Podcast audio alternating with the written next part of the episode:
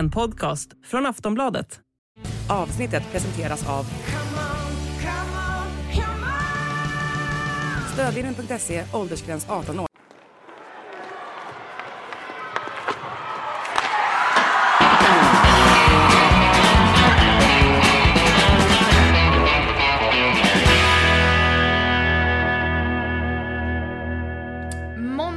Förmiddag, Hockeystudion är tillbaka efter ännu en eh, ja, men rätt så händelserik vecka ändå. Hur är läget här nere hos Abris?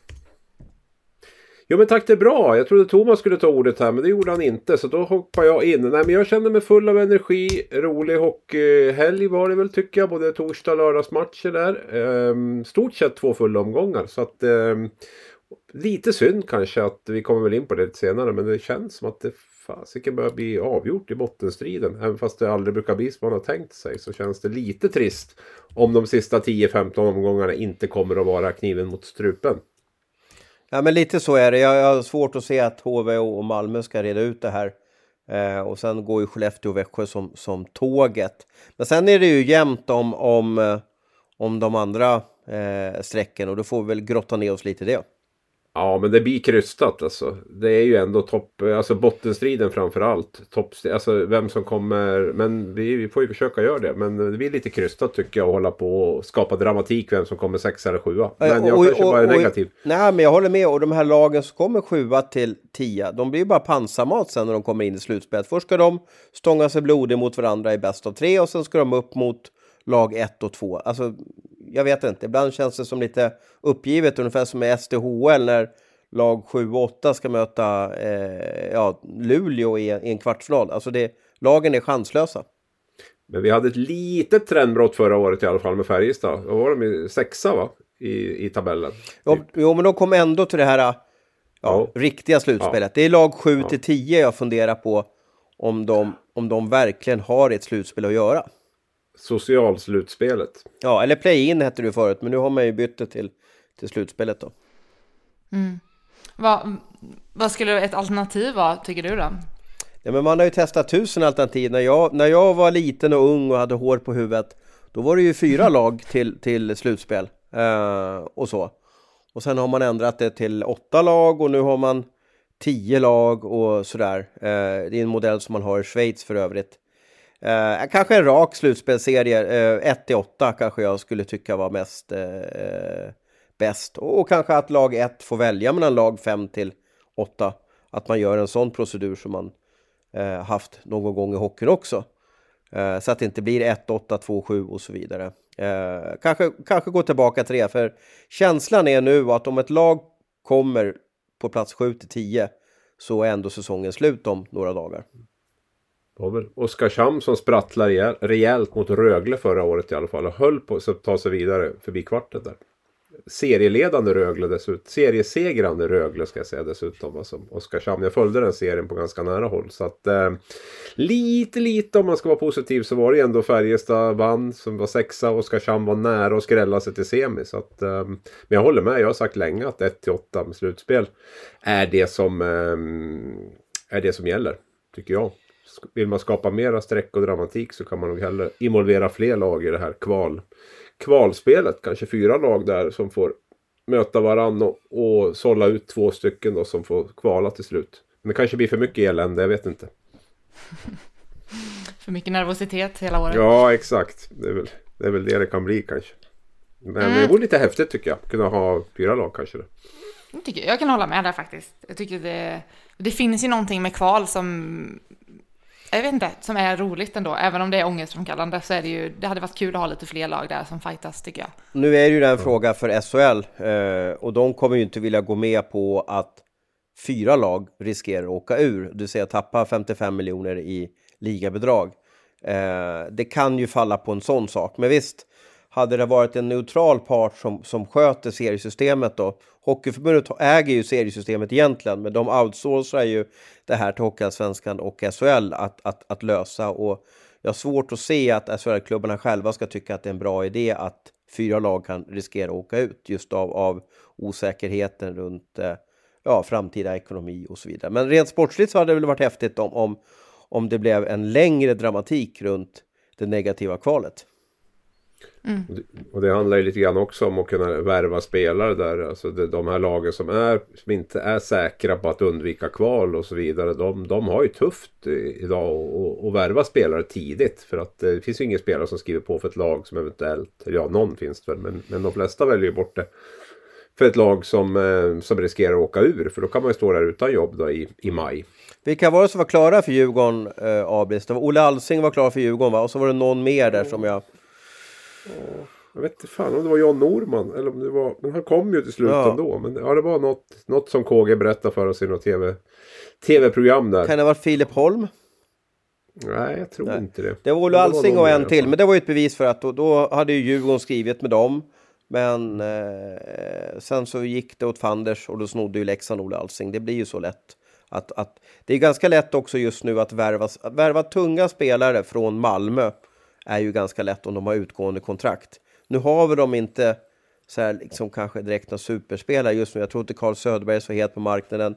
Fredrik Händemark har ju ett eh, eh, eh har ju, vad heter det, en eh, långtidskontrakt eh, så han är inte aktuell.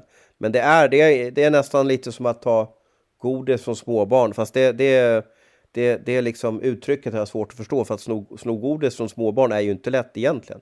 Eh, Eh, Men H- Händemarks kontrakt bryts ju oavsett om de åker ur. Så Jo, men att upp man kan inte signa nu, hänger du med jag menar? Man vill ju kunna, alltså om, om man ska vara en klubb som typ Örebro, Rögle, så kan det ju vara lätt att erbjuda, alltså en klubb som vet om att vi spelar SHL nästa år, så kan det ju vara lätt att erbjuda en stjärna i Malmö eller HV med utgående kontrakt.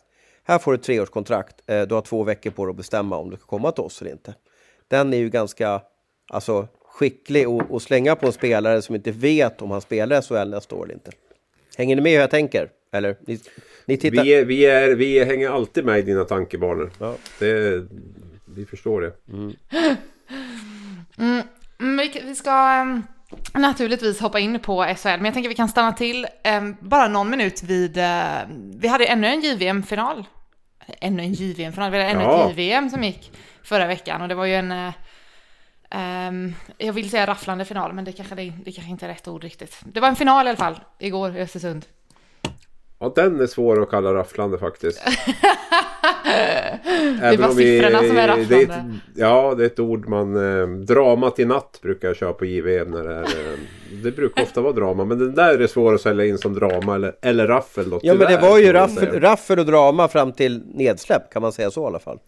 Ja, ja absolut. Det var ju, har varit en fantastisk vecka tycker jag på det sättet. Med, med det som har hänt uppe i Östersund. Eller nere i Östersund om man är ovanför Östersund. Jag, jag tror ju att det varit för stor tryck och press och uppståndelse att de svenska tjejerna inte fixar det här. Sen ska man ju veta också att i Kanada så finns det över 60 000 licensierade flickor och kvinnor som spelar hockey. I hela Sverige finns det 60 000 licensierade män och kvinnor spelar hockey. Så att man möter ju en stormakt. Man möter ju en nation som har ett utbud av, av flickor som spelar hockey som egentligen Alltså de ska, det ska ju vara så här stor skillnad mellan, mellan länderna.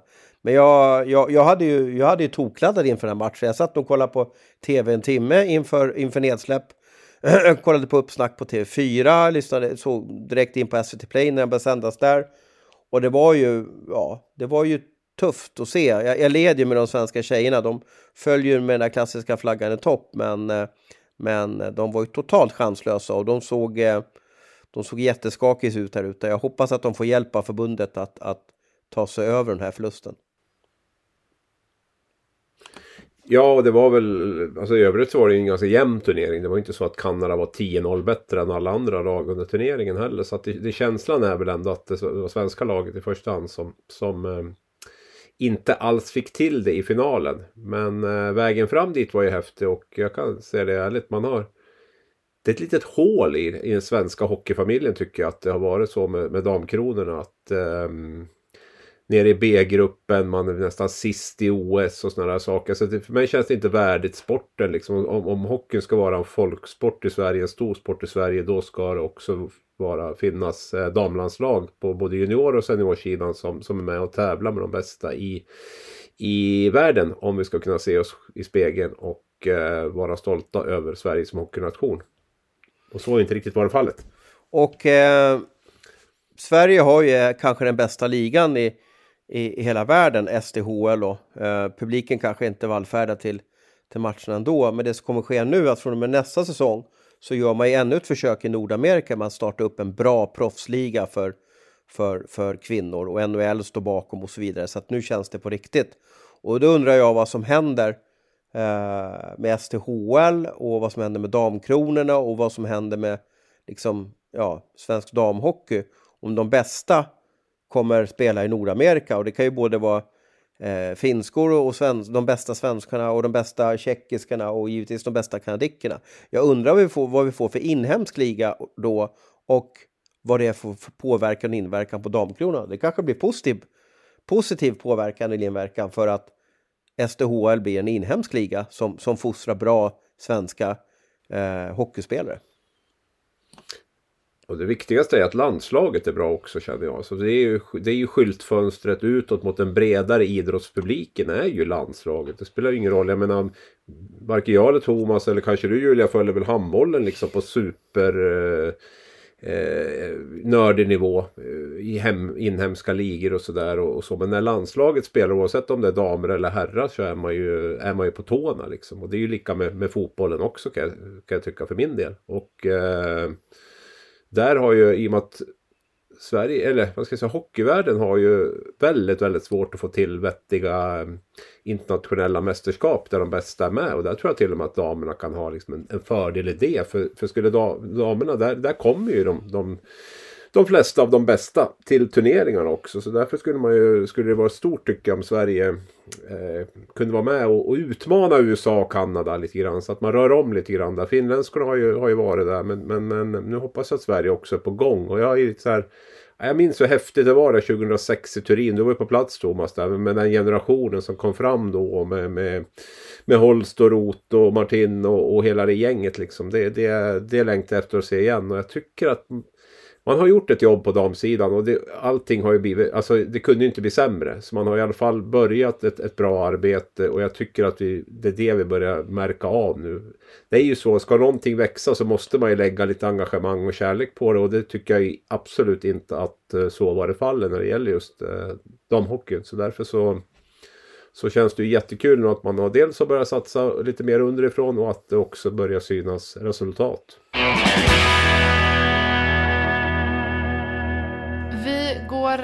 Vidare från damhockeyn och in på, eh, in på SHL som, eh, som alla har väntat på. Jag tänkte även om vi sa här i början, jo det, man tragglar samma vecka ut och vecka in, men fan vi, vi måste köra igen hörni. Det är bara, det är bara att göra. Ja, it's a tough, it's a tough job but somebody got to do it. Visst, visst, så är ja. det. Jag tänker, något ska vi nog kunna verka fram. Oh ja, det finns tråkigare saker att göra än att och snacka SHL. Eh, jag tycker att vi börjar, eh, men vi börjar i botten denna veckan. Varför inte? Vi hoppar in där direkt. Det första man tänker på, eller det första jag tänkte på i veckan är det, finns det ens, finns det ens en chans för Malmö nu? Nej, jag skulle säga att det är kört. Thomas kan väl ta över. Han skrev ju en, en tyckare i ämnet i, i helgen och såg dem dessutom live. Jag satt och såg den matchen på, på tv faktiskt. De måste ju vara lika bra som Växjö är eh, i de kommande 18 matcherna. Det vill säga att ta mm två poäng i snitt per match. Och det, det är, jag vet inte om det är något lag som har klarat av att göra en sån trendbrott. Eh, det, det känns som att det liksom lite slutar. Jag såg, man ska inte kasta någon under liksom bussen, men jag såg Lance Boma var ointresserad. Eh, Carl Söderberg eh, är för övrigt har sämst plus minus eh, i hela SHL och sådär. Så att det, det finns många saker som man kan ifrågasätta med, med, med Malmö den här säsongen. Och jag, jag, kan inte se att, de, att någonting bara händer och att de bara får någonting att, att, att fungera. Eh, så de får nog riktas in på negativt kval. Eh, just nu ser det ut som att de möter HV och det är kanske det som är Malmös räddning. Eh, då möter man ju ett lag som har mer att förlora än att Malmö skulle åka ur. Jag tänkte ställa nästan lite vass fråga där. Men har Carl Söderberg någon vinning egentligen av att det går bättre för Malmö? Om du förstår min fråga. Nej, jag förstår inte frågan. Han har vi var med kaptensbinden. Jag tror att den sved enormt. Om det liksom blir vändpunkten för att Malmö börjar vinna igen, blir inte Men vill inte en elitidrottsman, han vill väl alltid, eller hon eller han vill väl alltid vinna? Jag vet inte. Jag tror det är sista året i karriären. Ja. Jag tror inte att han Ja. kommer att jobba vidare i Malmö. Jag tror att det fanns en tanke på att han skulle kanske, att han såg framför sig kanske en roll i Malmö. Jag tror inte att det kommer att bli så. Man har anställt Björn Liljander nu, man har Sylvegård kvar. Eh, nej, jag, jag, jag vet inte. Men jag tycker också, jag tror att den var Ja, den var speciell. Man tog bort kaptensbindeln från honom. Jag tror inte att den eh, faller speciellt väl ut om jag ska vara helt ärlig. Sen var det nog ett, ett beslut som man var tvungen till. Men, men jag har liksom svårt att se att han eh, brinner för, för, för att det ska gå så mycket bättre nu när inte han har set på bröstet. Men jag kan ha fel. Jag pratar det verkar inte som du håller med mig. Ja, alltså det måste ju finnas i DNA att oavsett om man går, och spelar en pingismatch eller paddelmatch eller, eller hockeymatch och speciellt om man är elitidrottsman som är liksom präglad i den här miljön år ut och år in så måste man ju vilja vinna matcher. Livet blir ju så mycket roligare då. Eh, men, men det är ju sista året på kontraktet som jag har förstått. Och eh, det var någon Malmökälla som sa till mig att "Nej, men han har redan checkat ut. Han är inte riktigt, han är inte riktigt närvarande. Han är inte riktigt där. Eh, och han vet väl om då att kanske om, om, om tre månader tar han fram hockeyklubbarna eller golfklubbarna och, och lever ett nytt liv. Eh, det kan väl göra att han kanske inte riktigt liksom samtidigt att avsluta med att vara, nu var han ju inte kapten, men han är i alla fall lite ledande spelare och spela ut Malmö. Den är inte roligare än inte. Men han är ju lite pissad på det. Om vi gör den här grejen då. Säg att du skulle jobba på kontrakt åt Aftonbladet istället. Och så hade du ett år kvar på kontraktet. Så hade du titeln Thomas Ros Hockeykung. Och så kommer din chef in och säger så här. Hej Thomas. ehm, vi, du, vi kommer ta av dig titeln Hockeykung nu. Så kommer vi att sätta den på, på, ehm, på Jonathan Nilsson istället. Och du får inte vara assisterande Hockeykung heller. För där har vi tre andra som, som kommer att vara. Utan du kommer bara att vara en vanlig, vanlig knegare på redaktionen. Narr, kan jag inte få titeln narr då? Narr då. Ja. Och då skulle du känna så här. Åh, jag har en professionalitet i det här och det sitter i mitt DNA att jag kommer att jobba hårt ändå och, och så. Tror du att du skulle känna så? Det blir ju en ledarfråga hur man motiverar en person att, att bli på något sätt lite förnärmad. Samtidigt kanske Carl Söderberg, du har ju haft att göra med honom ganska många år. Eh, han kanske tycker det är skitskönt att inte, att inte vara den som ska vara ambassadör för laget. Eh, det kanske var han som tyckte att det var en bra idé också. Eh, det vet vi ju inte, men, men rent generellt så är ju alla typer av negativa förändringar har ju vi människor svårt att acceptera, speciellt om man har varit i, i en roll och haft en betydande roll, oavsett om det är på Aftonbladet eller om det är i Malmö, Malmö Hockey, så, så är det väl alltid lite lurigt om man inte får samma ansvarsområde.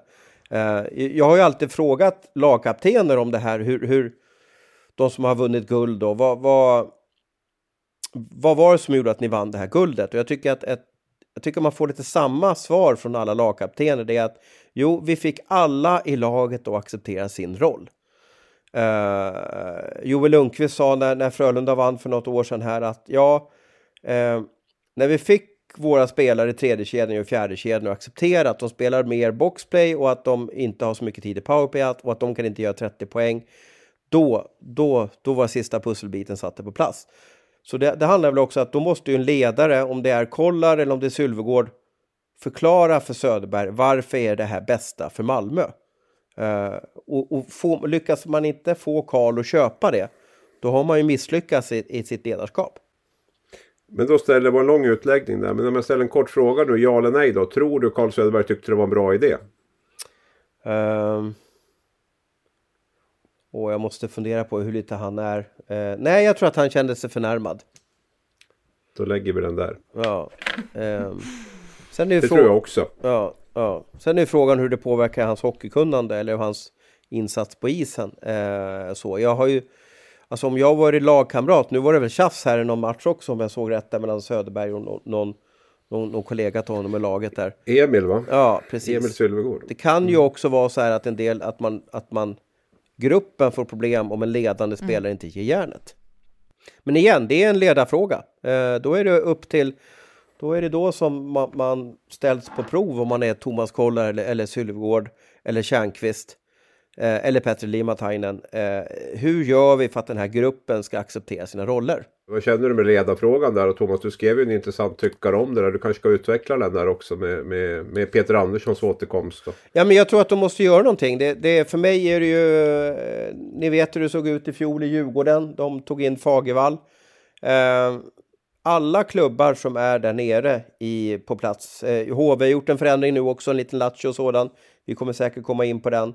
Eh, jag kan inte se med den historik som finns i SHL att Malmö fortsätter med den, den här tränarkonstellationen in i ett negativt kval.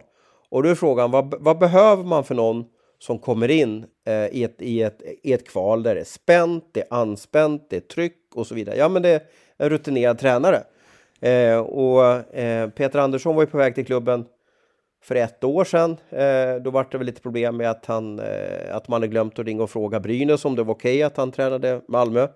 Nu är ju Peter i Lausanne, bottenlag i Schweiz, har en anonym roll i ledarstaben där eh, och eh, eh jag tycker att de ska försöka få honom att brinna för att komma tillbaka och rädda Malmö kvar.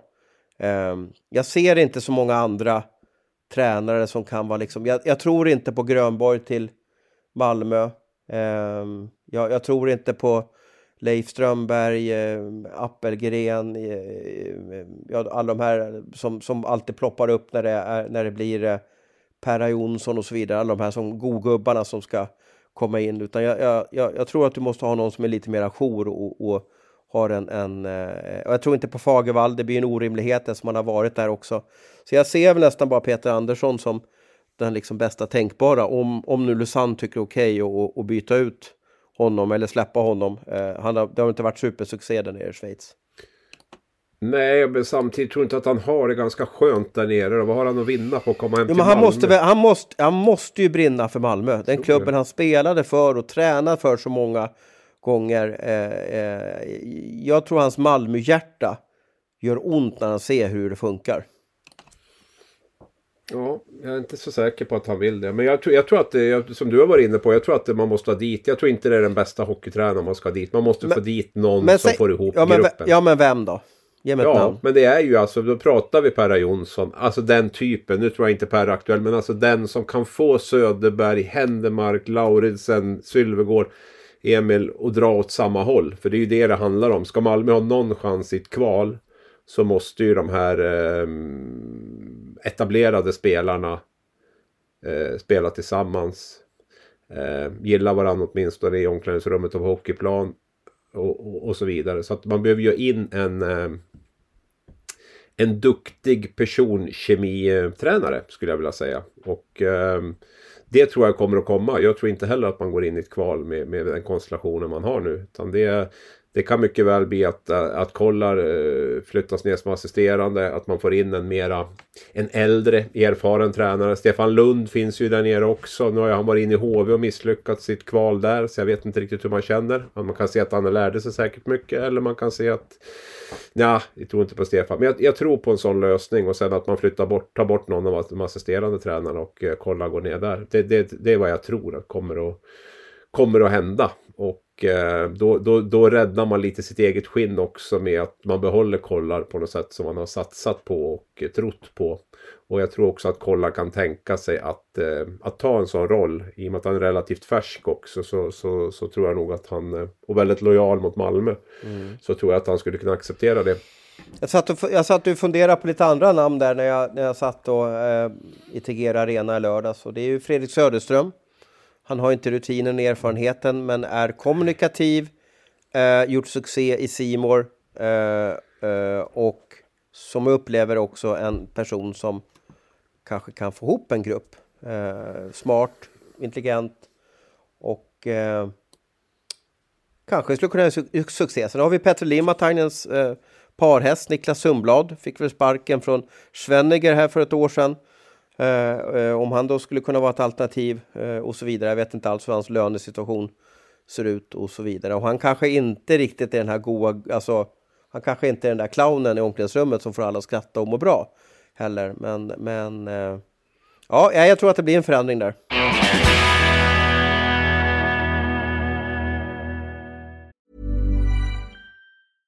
Flexibility is great. That's why there's yoga. Flexibility for your insurance coverage is great too. That's why there's United Healthcare Insurance Plans.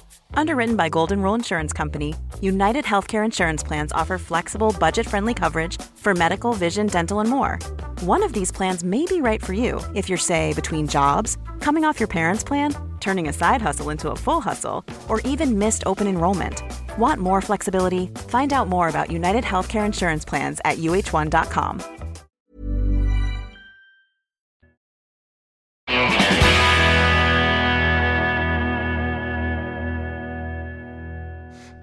vi får se vad som händer i Malmö, men om vi går vidare till HV då, som precis har gjort en förändring. De har ju satt in uh, Charles Berglund som uh, assisterande tränare. Just det. men det blev ju ingen direkt effekt där för HV, hans första match. Vad tror vi det kan bli någon skillnad i HV? Ja, de, värva, de värvade ju Challe. För det första finns det ju en jättebakgrund här som man måste veta mm. om. Det är att Charles Berglunds son Emil då, har ju spelat i Timrå många år eh, och Charles Berglund har ju, har ju tränat Timrå och Kent Norberg är ju Mr Timrå så att du har ju en connection där och de, det finns ett gigantiskt travintresse som, som Charles och Nubben eh, delar. Så det, det, det, är ju lite som att man plockar in sin bror där till, till HV. Eh, och Challe är ju en sån där, han är ju en glad gubbe och, och eh, lättsam, enkel, blir aldrig stressad, blir aldrig irriterad, blir aldrig förbannad. Jag tror, jag tror inte att det är så många som blir så så blir så tjuriga på honom, utan man gillar honom liksom ungefär. Eh, men jag vet ju inte hur mycket förändringar det blir i ett lag om man byter ut en ASS-tränare och liksom tar in en ny ASS-tränare.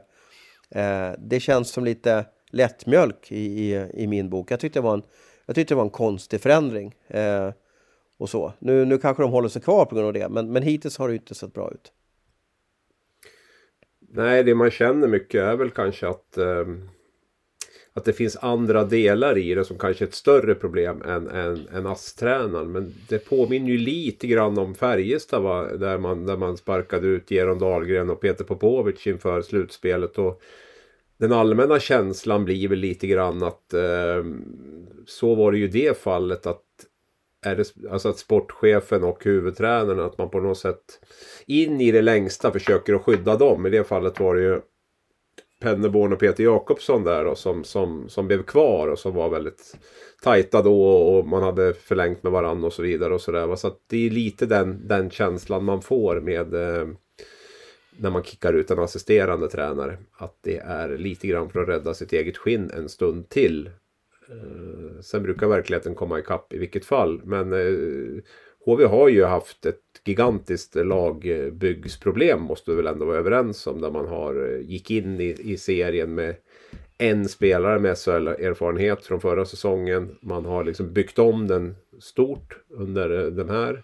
Fått in en hel del bra spelare men det har ju också betytt att man hela tiden måste jobba, börja om med gruppkemin, med hierarkin. Det kommer in nya spelare hela tiden. Och är det någon liga det är viktigt att liksom få ihop gruppen och gruppkemin och, och, och det här så är det väl SHL där det, där det är väldigt speciellt. Det är ju inte den här stjärnligan på det sättet utan det är ju mera att kollektivet eh, vinner matcher över, över tid. Och det tror jag också har varit ganska tuff eh, process för, för tränarna. Att man, man vill ju ha in nya bra spelare såklart men det innebär ju också att man får bygga, börja om lite grann i, i de här delarna som jag, som jag har nämnt. Och det, det tror jag är väldigt störande för det går ganska fort också. Det är matcher i stort sett hela tiden och du har liksom inte några no långa uppehåll och kan, kan eh, bygga ihop det här. Utan det, är, nej, det, det där tycker jag att det stora problemet har varit. Men jag tror också att det är ett sätt att försöka få lite fart på, ehm, på, ehm, på det här lagbygget då, utan att behöva ta bort de tyngsta personerna. Mm. Mm, men hur, hur tänker ni att HV skulle bygga sitt lag för att, eh, för att lyckas? Alltså, jag tänker med de värvningar de har gjort, vilka är det egentligen, vilka spelare är det som, eh, men som presterar liksom? Vilka håller måttet? Jag vet det snackas om att typ Forsberg får inte nog med istid eller vad det är. Alltså så här, vad, hur skulle HV behöva tänka kring sitt lag? Det är ju många, lag, eller många spelare i HV som inte kommer upp i nivå. Eh, som Sam Vignot, Mikkel Böttger. Eh, kanske den, den största besvikelsen om man har kollat på HV-sajter så kanske det är Tedenby då som inte alls liksom kommer upp i nivå. Nu har jag haft en, han haft en skadeproblematik. Eh, det är väl kanske Fredrik Forsberg och André och, och André Pettersson som, som gör det bra ifrån sig. Eh, sen Erik Martinsson har väl blivit lynchad också i, i, på olika fansajter där för olika misstag och så vidare. Men, men eh, jag, jag, vill inte säga att de har haft otur HV. Om någon, någon anledning har, har många spelare inte presterat som de, så som de kan göra. Eh, och så. Och jag ser att de har 35 spelare på sin roster just nu också. Det är ju en jäkla omsättning också. Och man började hela säsongen med att värva Lukas Elvenäs som kanske skulle kunna vara en andra kedjespelare. Sen så gillade, hade han dåliga träningsvärden eller vad det nu var. Eh, och så vart han skickad till Leksand och så vidare. Så att, eh, det har varit mycket konstiga saker runt, runt eh, eh HV71 hela säsongen. Och det är så här klassiskt som det blir för ett lag. Jag tycker jag känner igen det lite som nästan karbonpapper med vad som vad Djurgården var med om i, i fjol. Att man värvar, värvar, värvar, förändrar, förändrar, förändrar. Men man får inte ordning på det. Det går inte att bryta en sån här gigantisk negativ trend. Nej, och tittar man på HV så är det ju de här, det är ju gnuggarna, de här oetablerade värvningarna eller de spelarna som redan fanns där i, jag tänker på Herman Hansson som är invärvad, Måns Lindbäck som redan fanns där. Det är liksom den, de har ju ändå gjort sitt jobb i en, i en fjärde kedja och sådär. Men det är, ju, det är ju spetsen då som man har tänkt värvat in som som inte har levererat med, ja, alltså du kan ju räkna upp hur många, hur många namn som helst där som inte har kommit upp med allt från, från Bödker till eh, till Mili i viss del och du har ju Nettinen som, som har varit skadad visserligen och sådär men, men var en besvikelse. Lukas Elvenäs försvann snabbt som, som Thomas var inne på sådär så att eh, sen är det ju intressant med Fredrik Forsberg. Alltså han har ju 0 plus 2 på de 10 senaste matcherna. Eh, ändå leder han poängligan. Jag vet, det säger väl dels en del om Fredrik Forsbergs start av SHL men också en del av eh, HVs eh, poängproducerande. Att, eh, att han fortfarande toppar, toppar den interna poängligan trots att han har um, Trots att han har 0 plus 2 då, på de, på de Men är, är, det inte en extrem otacksam roll för honom uh, att ha det här laget? Han ska komma in i powerplay och stå och skjuta där från sitt specialhörn. Eh, men han får väldigt lite speltid i spel mot 5 mot 5. Jag, jag, förstår inte, det måste bli så ryckigt för honom eh, och, eh, och sådär att spela. Han spelar 13 minuter i snitt per match sett över hela säsongen. Jag tänkte jag skulle ta fram sista matchen här. Han spelade 8 minuter mot Färjestad eh, här i lördags och mot Rögle för, för ja, mer än en vecka sedan då, så spelade han 11 minuter. Det är alltså typ 4 minuter, eller om vi pratar om 8 minuter så är det 2,30 per, per, per period. Det kanske är fem byten per period. Hur ska man ha en rimlig chans då att kunna vara ett offensivt hot? Tror du att han, ja alltså det, Fredrik Forsberg har ju haft tufft att, att bli den här 20 minuters eh, snitt som snittar 20 minuter och spela 5 mot 5. Det var ju tufft även förra gången han var uppe i, i var med HV i, i SHL. Nu har det också varit två bottenlag som man har varit i HV gånger två då. Så att, och där blir det väl kanske, så där har man inte råd tycker man att, att spela honom mer då. Jag tycker att med de spetsegenskaper han har så tycker jag att då får man ta några mindre bra fem-mot-fem-byten just för att eh, hålla honom igång. Men, men det har väl HV, jag tror att det har varit lättare om han har varit i ett bättre lag. I ett lag som men som Skellefteå till exempel eller Växjö eller kanske Frölunda. Va? Då, då har man kunnat våga spela honom på ett helt annat sätt tror jag och gett honom 4-5 minuter till i snitt eh, per, per match och fått ut lite mer. Sen vet jag inte heller, det kan ju vara att han har han kanske har tackat nej till ett kontraktsförslag från HV och, och därför så väljer man att satsa på andra spelare också nu på slutet. Det vet vi ju inte riktigt. Han har ju utgående kontrakt så att eh, det kan ju finnas en sån del. Samtidigt så har man, har man 0 plus 2 på de 10 senaste då kanske och är en offensiv spelare så kanske det är naturligt också att istiden eh, sjunker. Hur nu slänger, slänger jag ut här för jag har inte koll på eh, procentstatistiken eller så, men hur stor är chansen, alltså hur stor chans har HV att ta sig över kvalstrecket? Ja, de har väl, väl, väl ta... de har 61-62 poäng och de har 35 nu. Mm. 45-55, det är väl en 27, 27 poäng kanske eller någonting då va? Eh, på 19 22 matcher. matcher. Ja, ja. 19 mm. matcher. Ja, 19, 19 matcher, förlåt. 19 matcher. Och, eh, så det är en och en halv poäng i snitt som man behöver ligga mm. på, räkna, grovt räknat nu. Uh, ungefär. Så att det är väl klart att Större under har ju skett men det är ju inte speciellt roligt, det skulle jag inte säga. Och det är också, de har Luleå precis framför sig. Eh, det kanske inte är mm. laget som man ska gå förbi. Det kanske, Nej. ett krisande Oskarshamn kanske har varit lättare att, att nypa. Eh, och Brynäs tog ju en mm. sjukt viktig trepoängare här i, i lördags också och, och rassla till lite. Så att det ska ju egentligen inte gå att och, och, och hämta in de här poängen. Eh, speciellt i den trenden de är nu. Eh, och sådär. Eh, de möter ju Frölunda på, på fredag. Eh, det är ju ingen lätt match. Ska se vad de har för match på, på, på lördag. Örebro borta.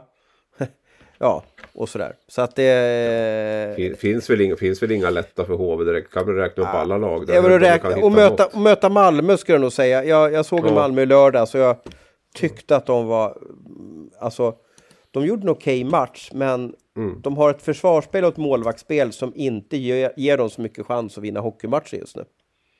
Jag tyckte de skapade ganska mycket bra chanser Malmö. Jag tyckte Mm. Mantas var riktigt bra i mål måste jag säga. Men, men det, det har ju en tendens att Malmö möter ju ofta en väldigt bra målvakt. Så då kan man ju börja fundera på om det, om det är något annat än, än ehm, att det ligger kanske mer i Malmös händer än, än målvakten. Så att de alltid är bra mot Malmö. Ja, Jag slängde, jag slängde Malmös case där på en, hock, en erkänt duktig hockeyanalytiker och, och han menar på då att, att Malmös målvaktsspel gör att de, de, de räddar, de kommer inte upp i normal räddningsnivå för att kunna vinna många hockeymatcher. Tänk vad den här, var dyrbar den här skilsmässan med Oskar Alsenfelt eh, troligtvis kommer att vara. Ja. Ja, och då var väl, eh, hur gick tugget där? Var det han och, och Söderberg som inte drog sams då eller? Ja, det finns väl ingen officiell version av det där. Men att de två kanske inte var bästa vänner. Men det var väl en, en, en, en spricka i omklädningsrummet där. Sen exakt vilka som var inblandade så vet jag ju inte. Utan det var väl... Um, Malmö såg väl mer i att vinna med att uh, köpa ut honom från kontraktet. Och um, starta om med en annan målvakt. Och det... Det var ju som Alsenfelt, han hade ju en 7-8 nollor i stort sett varje säsong. Och de matcherna är ju svåra att förlora när målvakten håller nollan. Så att eh, där har du ju en 21 poäng, 24 poäng liksom in stort sett varje, varje omgång. Eller varje, varje säsong. Och eh, det ska man inte underskatta. Man hoppas väl att Marmelind skulle göra det bättre från än vad han gjort den här säsongen då. Eh, Han har ju bara sex segrar hittills på hela säsongen då. Så att, eh, ja, tuffa val är det. Vi får se hur, hur det ska bli jättespännande tid för övrigt när vi kommer in i februari snart. Vi har mars, vi har alla kvalmatcher.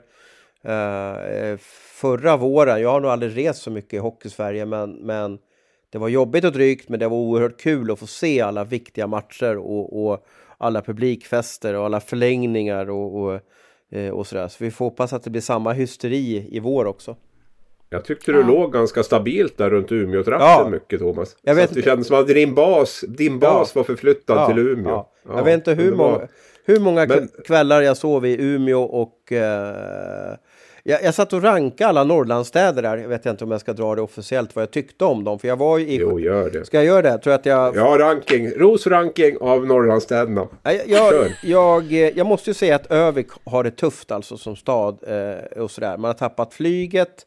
Eh, det kändes som att det var många stängda lokaler och så vidare. Eh, Skellefteå tycker jag att är en helt magisk stad med det här nya trähotellet. Och Umeå har ju också eh, en hockeypassion som, som är otrolig. Så att jag rankar Umeå etta, eh, Skellefteå tvåa, eh, eh, Luleå trea och Örnsköldsvik som fyra i roslistan över ja, Norrlandsstäder. Då drar du gränsen vid Övik kan vi säga. Ja, Resten precis. räknas som Svealand typ. Ja. Nej, Jag måste gå ut till Öviks försvar där. Övik är ju en dröm tycker jag rent logistiskt där. Men man kan ta tåget här från Gävle fyra timmar och så går man tre minuter till hotellet och så lägger man in väskan och så går man fem minuter till och så är man i i en fantastiskt fin ishall som Det är ligger jättebra vid Ja, vattnet. och Och, jag tycker de ja. har fått till det väldigt bra där nere vid hamnen. Så att eh, Men dåligt med, dåligt, dåligt med paddelhallar och nej men det finns inget... där satt det. Det Ja, var det det ja, hängde på. ja. Det, var paddel, det var paddelhallarna det hängde på. Att det var för litet men han, han sa det inte förrän nu. Nej. Ser ni det? Bygg några paddelhallar Övik så, så kommer ni att hamna ser högst. Ja, vi ser rakt igenom dig Ros. Ehm, jag skulle säga, okej, vi, ska, vi ska lämna bottenstriden för vi har fastnat där så länge nu hörni. Jag gillar att vi, uh, bara, vi har inte så mycket att säga och sen så... ehm, men jag hade en eh, fråga nämligen, bara kring HV och sen ska vi gå vidare, jag lovar. Ehm, och det var, finns det, det här kanske är en jättekonstig tanke, men finns det någon eh, typ mening i HV? Skulle det finnas någon tanke kring att bara acceptera att man kommer hamna på kval och påbörja en liksom, ombyggnation av laget nu och sluta spela matcher för att typ vinna och bara köra nu ska vi spela kval så nu ska vi sätta ett tajt lag. Jag har tänkt på, Kan den här funder... jag har tänkt på den här funderingen några gånger med de här lagen som är... eh, Och den frågan kan ju appliceras, eller påståendet kanske ännu mer på, på Malmö, för de är ännu mer körda kanske än HV är. Eh, jag ställde någon fråga till någon tränare om det där, för då hade det laget fortfarande en chans att, eh, eh, att, att liksom hålla sig kvar i SHL utan att behöva kvala. Eh, och det var på en presskonferens och alla hörde. Eh, och då kommer jag ihåg att en tränare gick upp till mig efteråt och så sa han att det där var en väldigt konstig fråga. Eh, sådär. Jag, jag har aldrig hört en sån konstig fråga. Men din och min hjärna funkar ju lika hör jag Julie i alla fall här. Det är, väl, det är väl klart att Malmö inte kan läggas ner och dö, men ska man träna ner sig, ska man sätta ett nytt grundspel, så kanske det inte är så viktigt att vinna borta mot, mot Luleå eh, och så vidare, utan det är, ju det är ju viktigast att vinna den sista matchen på säsongen, det vill säga den sista matchen i ett negativt kval. Det är ju den de ska fokusera på.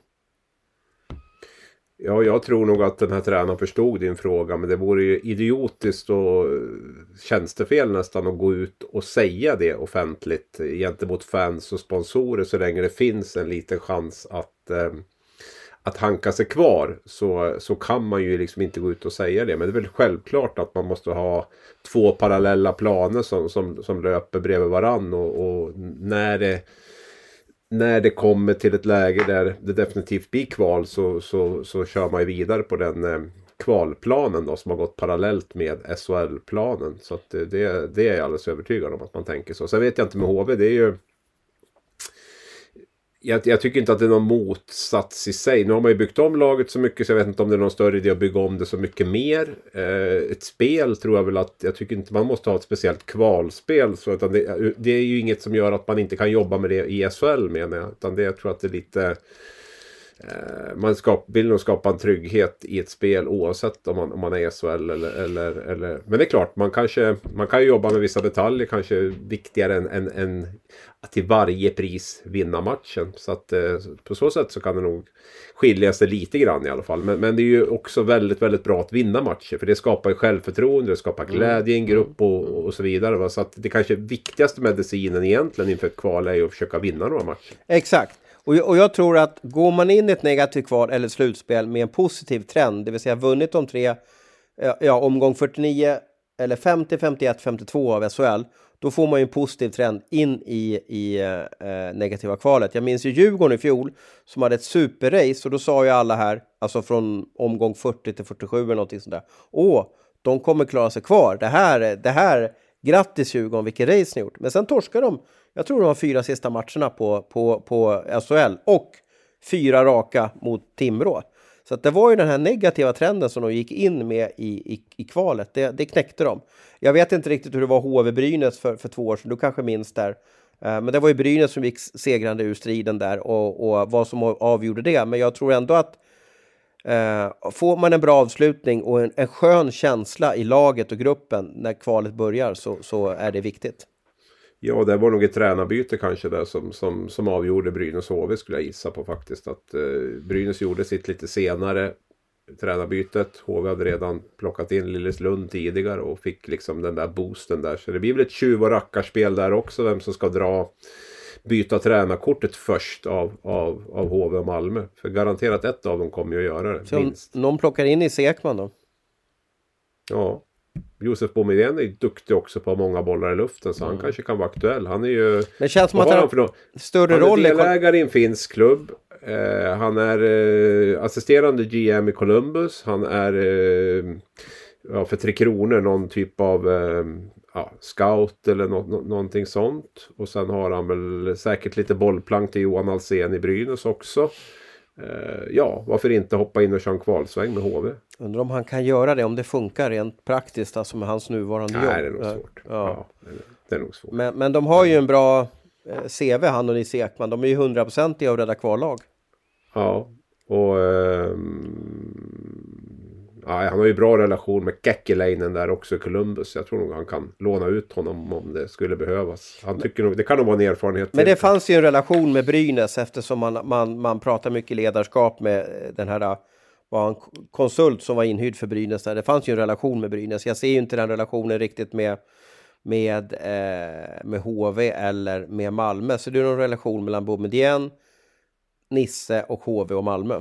Ja, vi slänger ut det tipset då till Sylvegård och eh, Patrik och Nubben att eh, de kan kolla upp dem i alla fall. Då. Kval, kvalhjältarna.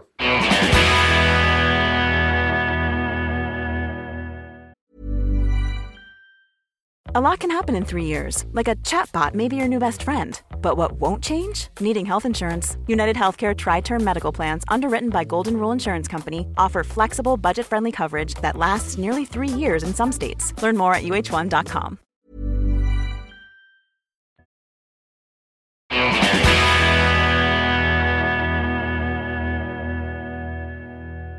Vi går vidare till, eh, Eh, jag tänker på de andra två lagen som också, alltså vi i alla fall förra veckan nämnde i bottenstriden, men Brynäs har ändå tagit eh, ja, men viktiga poäng i veckan och liksom tagit ett litet skutt, men Luleå ligger ju lite skakigt. Hur, eh, hur går tankarna kring de lagen? Ja, men alltså Brynäs är ju, är ju ganska bra när alla stjärnorna står rätt. Eh, alla spelare är friska, man, eh, man är pigg i kroppen, i, i, i benen och sådär. Problemet är väl oftast att så är det ju inte över 52 omgångar. Utan det är ju korta perioder på säsongen som, som alla är friska och hela och, och stjärnorna står rätt och, och, och benen känns fräscha och sådär. Eh, och det är väl det som är deras utmaning eller deras problem eller vad man ska säga är ju att det blir ju och det, det, det, det, det gäller väl egentligen alla lag som är i den änden av tabellen. Att det är ju det som är deras problem. Det är ju inte att de är så otroligt mycket sämre än Växjö och Skellefteå och så när de dagar de, det stämmer. Men, men eh, de har ju en betydligt lägre lägsta nivå än, än topplagen. Topplagen klarar av att hantera skador bättre. Man klarar av att hantera lite mindre bra dagar bättre. Man vinner matcher ändå. Det är ju det är väl där Brynäs är. Jag har ju sett jag såg hela i torsdags och delar av den i, i lördags. Jag zappade lite de matcherna. Men och när man ser det sådär så känner man att ja, men det här är ju inget lag som kommer få kvala. Det här är ju ett lag som, som kommer att vara bland de tio bästa. De har ju otroligt mycket meriterade spelare med allt från Lindbäck, eh, Sklenicka, Friman, Bertilsson, Rödin, Johan Larsson, Skott, eh, Timashov. Alltså det, det, finns ju liksom där. Men, men, men eh, att få ihop det över tid har man inte lyckats med på fem år och det har väl sett lite likadant ut nu under, under säsongen också. Men eh, två, två, sex jätteviktiga poäng naturligtvis på vägen mot att undvika kval. Luleås förändring är ju otroligt faktiskt. Från att sluta tvåa i serien i fjol på 97 poäng till att mm. ja, kanske inte, ja, ja, lite riskera att kunna hamna i negativt kval. Det, det är sällan man ser ett sånt sänke på ett, på ett topplag, eller som var några minuter från att vinna SM-guld i, i våras. Ja, det fick man ju i alla fall en, en, en seger i veckan här. Med, eller i alla fall en tvåpoängare va. Fick man väl in i. Mot, mot, uh, mot Färjestad hemma där då. Men, men nej, det är, det är skarpt. Man har haft tuffa matcher nu också. Färjestad och Växjö hemma va. Det är väl... Um, det är väl um, två av de, eh, ja, seriens absolut bästa lag. Ska jag säga. Eller det är ju det. Så, att, eh, så det är klart att det, det är väl lite till Luleås försvar då. Men, men, men eh, ja, jättepressat där uppe. Men, men Julia, nu, nu har du fått babbla hockey här under, under den här säsongen. Vilka lag, vilka lag skulle du sakna minst om de åkte ur? Det är en jättetaskig fråga att ställa till. Är det, är, men, task, är det en taskig? Ja, men, alltså, vi kan ju prata sport och så vidare, men vad, vad känner du? Vad, vad, vad, har du? Finns det något lag som du, tycker berör eller någonting sånt där? Alltså, men det låter ju hemskt, det kanske är för att de ligger sist, men jag tycker, jag hade inte saknat Malmö. Okej. Okay. Var, var, var, varför då? Jag får ingen... Um jag får ingen känsla. Kan man säga så bara? Alltså så här, jag får ingen... Ja, helt Jag rätt. vet inte. Jag tycker, ja. Sen har jag ändå bott i Malmö från och till i sex år, så jag borde egentligen ha mycket mer liksom, lojalitet kanske. Sen är det ju synd med den här fantastiska hallen med närheten till kontinenten, att, att Malmö inte kan vara ett bättre, en bättre hockeyklubb och hockeylag. Mm. Men eh, jag hade inte, nej, hade inte saknat mycket. Ni då? Men man måste väl hålla med lite. Ja, Oskarshamn växer ju, man tycker ju om lillebror där år, år ut och år in. Eh, eh, och och de, de, lyckas med sina värvningar på ett, på ett magiskt sätt. Men eh, jag gillar ju HV71. Jag har alltid haft en bra känsla för, för eh, HV71. Jag vet inte om det var för att man under många år bevakade alla slutspelsstrider där nere och, och eh, det är ett bra tryck på arenan då. Men HV vill jag ha i högsta serien. Eh, nu har vi ju Rögle så vi har ett Skånelag i, i högsta serien men att få åka ner till Malmö och, och, se i den här fantastiska arenan som Percy Nilsson har byggt. Det vore tråkigt om de inte spelade i, i högsta serien. Jag gillar ju också HV som klubb, men jag är ju som... Ja, men, man har ju upplevt hela deras storhetstid. Det har ju gått lite parallellt med man har varit på Aftonbladet här. Och man liksom, ah, de har alltid stått för ordning och reda, bra lag. Allting. Jag känner inte igen någonting i, i HV. Man hade den här säsongen för två år sedan också där man åkte ur. Man kom upp igen och man tänker liksom att nu... Ja men nu blir det en ny start och så, och så känner man att nej men nu är det ju fortfarande det här liksom svajlaget. Så att HV är ju absolut inte det HV har varit för mig tidigare. Så därför vet jag liksom inte riktigt om, om jag skulle sakna dem på det sättet som jag skulle ha gjort eh, tidigare. Då hade de aldrig hamnat i den här situationen i och för sig. För då, då, då hade de ordning på, på grejerna. Men det är lite sorgligt tycker jag att se att, att det blir så eh, svajigt igen. Där. Alltså jag skulle ju aldrig, jag skulle aldrig kunna säga HV i och med att jag är uppväxt i området liksom. Det går ju inte. Nej. Nej. Eh, Även om jag inte är så partisk nu för tiden så är det väl ändå så här, det går ju inte komma Nej, ifrån att det är där man är uppväxt liksom. Sen är det väl det lite med Malmö att de har ju svårt att locka. Det är mycket fotbollsstad där. De har ju svårt liksom att locka det, det, det riktiga publiken på något sätt. Den stora publiken dit och blir liksom Ja, la, laget nummer ett i stan blir man väl aldrig. Men i alla fall lite närmare MFF och sådär. Så det, det är väl klart att det är också ett lag som som vi skulle kunna överleva utan. Men samtidigt, jag är ju så jättetråkig på det sättet. Jag, jag köper det lag som är sämst. De ska åka ur. Sen spelar det ingen roll för mig om det är Leksand eller om det är Färjestad eller om det är Malmö eller HV. Liksom. Utan det, det är ju det, är det som är fint med en tabell och ett kvalspel. Att det blir ändå det sämsta laget som åker ur. Och då ska de vara ur. Men vilket lag vill ni helst ta upp då? Jag vill ju vara den här positiva killen. Vi behöver inte sitta och kasta lag under bussen. Här. Vilket lag vill helst ta upp Julia? Mm, eh, Modo. Modo säger du. Eller? Björklöven. Jag har inte bestämt riktigt. Fan, förlåt. Nu sa jag snabbt. Ja, skitsamma. Ros. Ja, jag kan ju tycka att vi behöver, jag, jag vart ju intaggad här på sociala medier såg jag att eh, det här med att jag har alltid tjatat om att Stockholm behövs i SHL.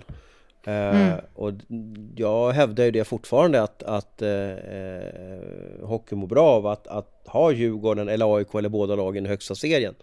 Eh, nu är de ju inte där just nu och Djurgården har väl varit fem raka eller fyra raka förluster just nu och det ser inte alls bra ut. Mora är ju ett bättre hockeylag än, än Djurgården just nu så de har ju en jätteresa att göra. Men det är väl klart att jag vill ha Stockholmslag i högsta serien. Eh, många lag vill slå Stockholmslag. Många lag har supportrar i Stockholm som kan få se på sina eh, ja, stjärnor när de kommer besöka Stockholm.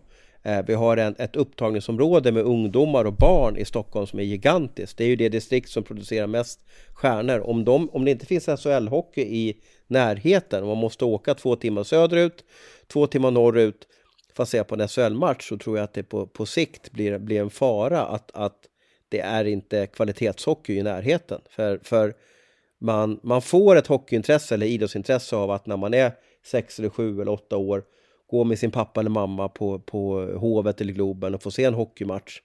Eh, och, och drömmer om att tänk om det kan få vara jag en, en gång i tiden.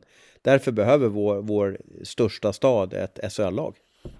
Ja, ja, jag måste ju säga att det, det lag som absolut förtjänar mest att gå upp är ju Björklöven. Jag tycker så synd om dem här. Nu är det tre år i rad de har liksom bränt i, i finalen. Det är inte minst för tre år sedan de räknat med det här eh, Corona-slutspelet ställdes in och man hade ett superlag där och man hade kvitterat i 1-1 mot Mod och det kändes som att den här, nu, nu, är det, nu tar Björklöven det här. Och så vart det ridå ner och sen har man två finaler till efter det så man har förlorat rätt bittert i också. Så att ehm, eh, jag håller inte på några lag naturligtvis. Det gör vi ju aldrig. Men de som är mest förtjänt tycker jag är definitivt i Björklöven. Mm, om vi går vidare till, eh, om vi hoppar över till SHL då. Vilket lag förtjänar att eh, vinna SHL? Nu när vi är inne på förtjänar. eller förtjänar Det är laget som är bäst. Laget som är bäst. Ah, men vilket skulle ni Nej, det vilja se vinna SHL då? ja, det var en bra fråga. Då lär det ju bli något som, som inte kanske har vunnit på ett tag då. Ehm. Åh. Just nu är det Växjö och Skellefteå som är de eh, bästa lagen i, i svensk hockey och det, det är väl kanske inte, ja men det är ju okej men en final mellan Växjö och Skellefteå, jag tänker på logistiken också här, blir ju ja, speciellt. Jag vet inte om det kommer beröra så mycket utanför Växjö och Skellefteå heller. Jag tyckte Färjestad-Luleå i, i våras var, var magiskt. Frölunda berör alltid med en högröd, eh, eh, Roger Rönnberg. Eh, ja, men jag, nu är det långt dit, men skulle det inte vara spännande att, få, att Rögle får, får, får sin första Lematt. Ah, nu tog du min. Ja, ja. Jag får leva med det. Nej men uh, Rögle kan väl vara. De har gjort en grym resa måste jag säga de senaste åren. Och haft otroligt tuff säsong. Jag tror inte de riktigt har laget för att gå hela vägen. Men de klättrar fort nu. Det går, går fort där Ja, nu med, ja. med... Nu har de börjat vinna på bortaplan. Ni som har följt den här podden vet ju att jag tjatar som en papegoja om deras dåliga bortaspel här. Nu har de ju till och med börjat vinna på bortaplan. För de har tre, tre segrar på de fyra senaste. Och... ehm, Det är en sjuk Janne Larsson-effekt. Ja, det lär vi säga. Från Mm. paddelhallarna i Gävle direkt in i omklädningsrummet i Rögle och eh, ja, det har varit en... Eh, de har väl... Jag tror att de har två eller tre lag som har tagit fler poäng än de sedan Janne Larsson kom in där då i samband med, med annandagsmatchen som var... Du ser ju, fler, fler paddelhallar i Övik så har de löst det. Ja, då kan de få dit eh, Mm. kvalificerade tränare om de har bra paddelhallar. Nu ska vi se. Rögle har plockat 15 poäng på 8 matcher då, så man snittar 2,0 kan vi säga då. Ehm, Färjestad hetast. 8 matcher, 18 poäng. Och Mitell är förtvivlad över alla skador och tunn trupp. Och Wallin sitter bara och, och gör... Du får trolla med det du har. Du får trolla med det du har. Jag tänker inte hålla på och handla, säger Wallin. Och det gör Mitell. Och eh, ja, de är sjukt imponerande måste jag säga. Växjö också 18 poäng på, på 8 Oskarshamn då. 16 poäng på sju matcher. Nu pratar vi de som har fått en kick efter julafton. Säkert eh, Säkert fått eh, lite bra julmat och julklappar och blivit på bra humör och går som tåget. Men du, vi måste prata innan tiden är slut här med att eh, vad, vad, vad, vad får det för inverkan på hockeyn om vi börjar införa icing i boxplay? Den, den gillade jag. Det var Hockey News som hade en intervju med Johan Hemlin och de pratade det här lite med att Elitkommittén diskuterar. Eh, Det finns en kommitté med eh, personer från Hockeyförbundet SHL och eh, eh, Hockeyallsvenskan. Eh, det finns säkert någon mer också där. Och de är som på något sätt en liten, ja, som det står, elitkommitté. De, de, eh, de marinerar och tänker på grejer och funderar lite vad som är bra. Och nu funderar de på om de ska införa att eh, slår man pucken över hela banan i boxplay så har ju tidigare inte hänt någonting. Och nu vill de införa icing även i boxplay. Och den här tyckte jag var fascinerande och jag har nästan legat sömnlös nu i, i två nätter i raden när, när, jag funderar på vad det här innebär för hockeyn. Ja, och det är det vi vill, vi vill veta. Vad har du kommit fram till? Eh, Berätta. Jag får ju en känsla av att eh, har man pucken då i, i, som försvarande lag i boxplay så kommer man inte så gärna bara vilja dunka ut den. Eh, för då får man ju bara, man får inte byta och pucken kommer eh, hela vägen tillbaka och det blir en tekning i egen zon. Så att eh, jag tror att spelarna kommer få bli skickligare att lobba ut pucken utan att den går till icing. Den effekten kommer vi få se på träningen. Eh, och jag gillar den. Jag, jag, jag, det här tror jag blir jättebra för då blir powerplay en större faktor i hockeyn och, och eh, vi kanske får se mer mål och det älskar ju alla. Fast borde powerplay bli en större faktor då? Alltså, Nej, jag är inte lika säker på det. Thomas är lite halvsadist sådär. Han gillar ju att plåga spelarna. Backtränarna har ju gått i taket över det här och tycker ju liksom att det är eh, förjävligt att de ska få ännu svårare, de här stackars backarna, att komma och byta nu då och sådär. Och eh, jag tycker nog att det är också det här som jag känner att i och med att vi har den här filmningsdebatten som vi har, spelare ramlar ganska enkelt, utvisningar blir otroligt liksom eh, vad heter det? Alltså värdefulla eller avgörande eller, eller något sådär. Så, så känner jag att det kommer att trigga ännu mer till att liksom försöka hitta enkla utvisningar för att det blir så avgörande. Så i min bok så är det ett big no-no. Vi, vi får eh, fler till filmare alltså om, om, om, om det här blir en Ja verklighet. men det är ju, det är ju så liksom idag redan att, att, eh, att powerplay är ju en viktig faktor, inte minst i slutspel.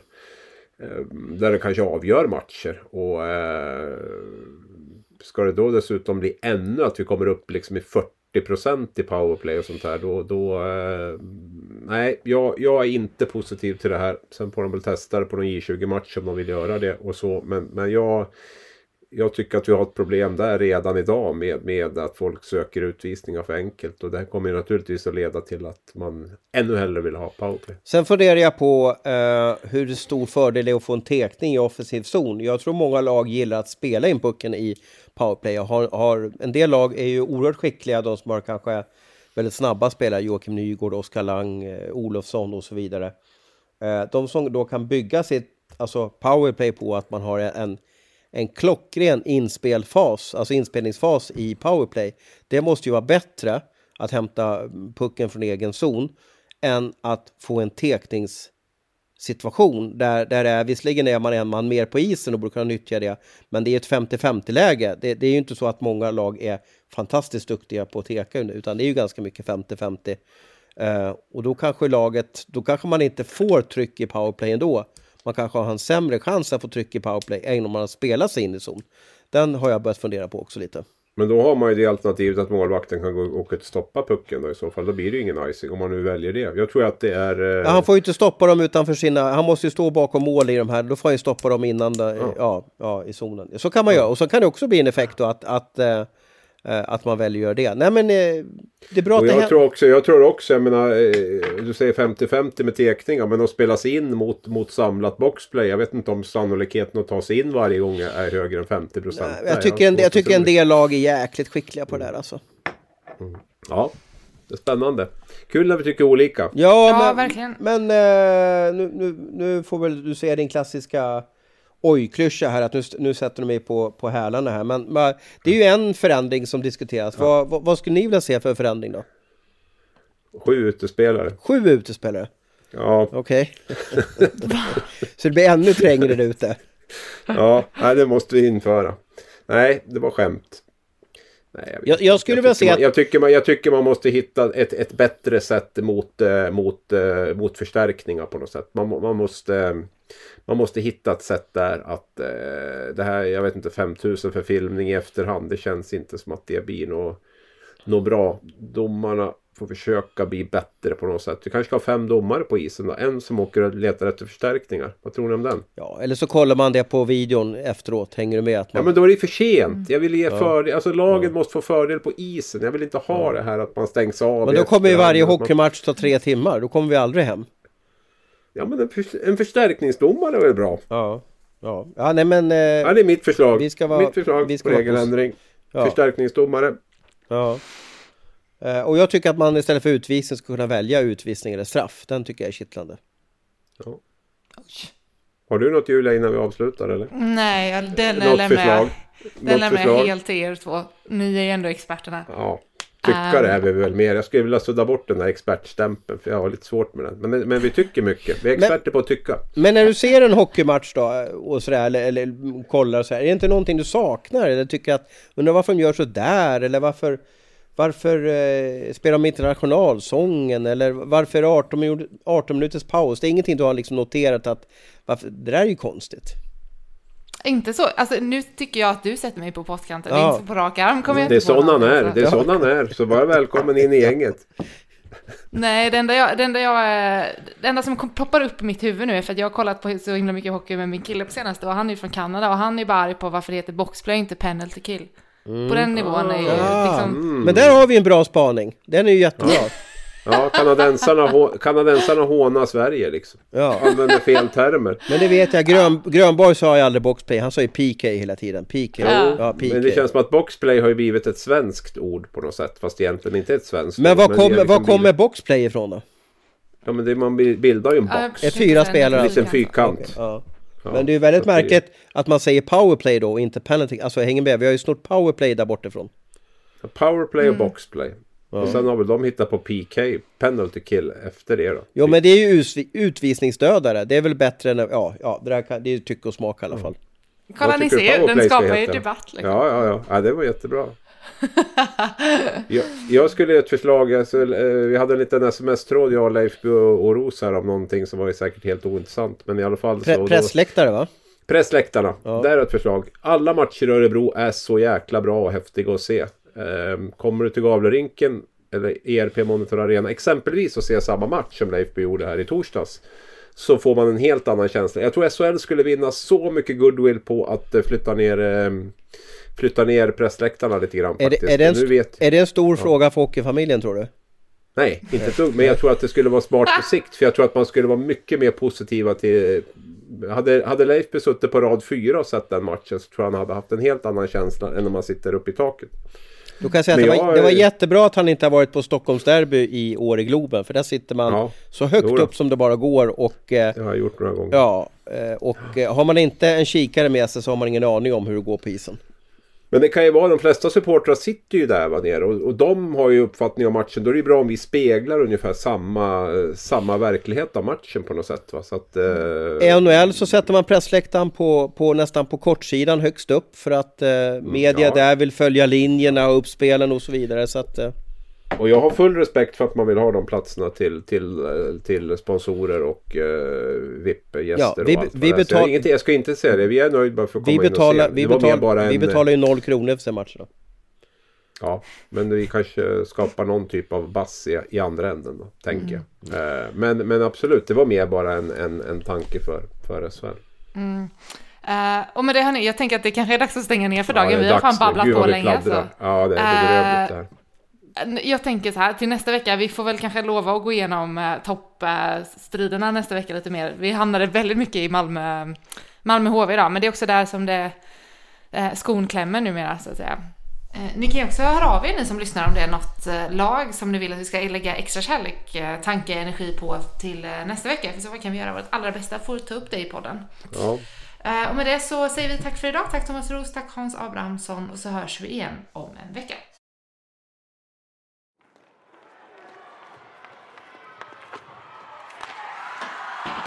Du har lyssnat på en podcast från Aftonbladet. Ansvarig utgivare är Lena K Samuelsson.